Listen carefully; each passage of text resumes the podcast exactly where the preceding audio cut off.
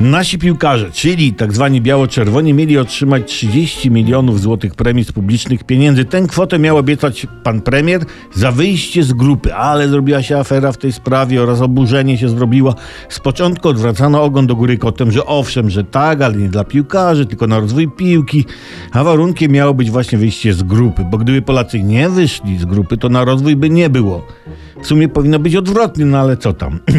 No właśnie ludzie zaczęli się burzyć, na przykład nauczyciele, ratownicy medyczni, opiekunowie niepełnosprawnych postanowili zorganizować turnieje piłki nożnej w nadziei, że jeśli wyjdą z grupy, to im się poprawi. No 30 dużych baniek to już jest coś. E, W końcu pan premier ogłosił, że nie będzie rządowych środków na premię dla piłkarzy, ale premia dla piłkarzy i sztabu szkoleniowego powinna być, bo nie może być tak, że szef rządu robi z gęby wuwuzele. Dlatego rząd, żeby dotrzymać obietnicy, powinien zorganizować zbiórkę plastikowych nakrętek na rzecz premii dla piłkarzy.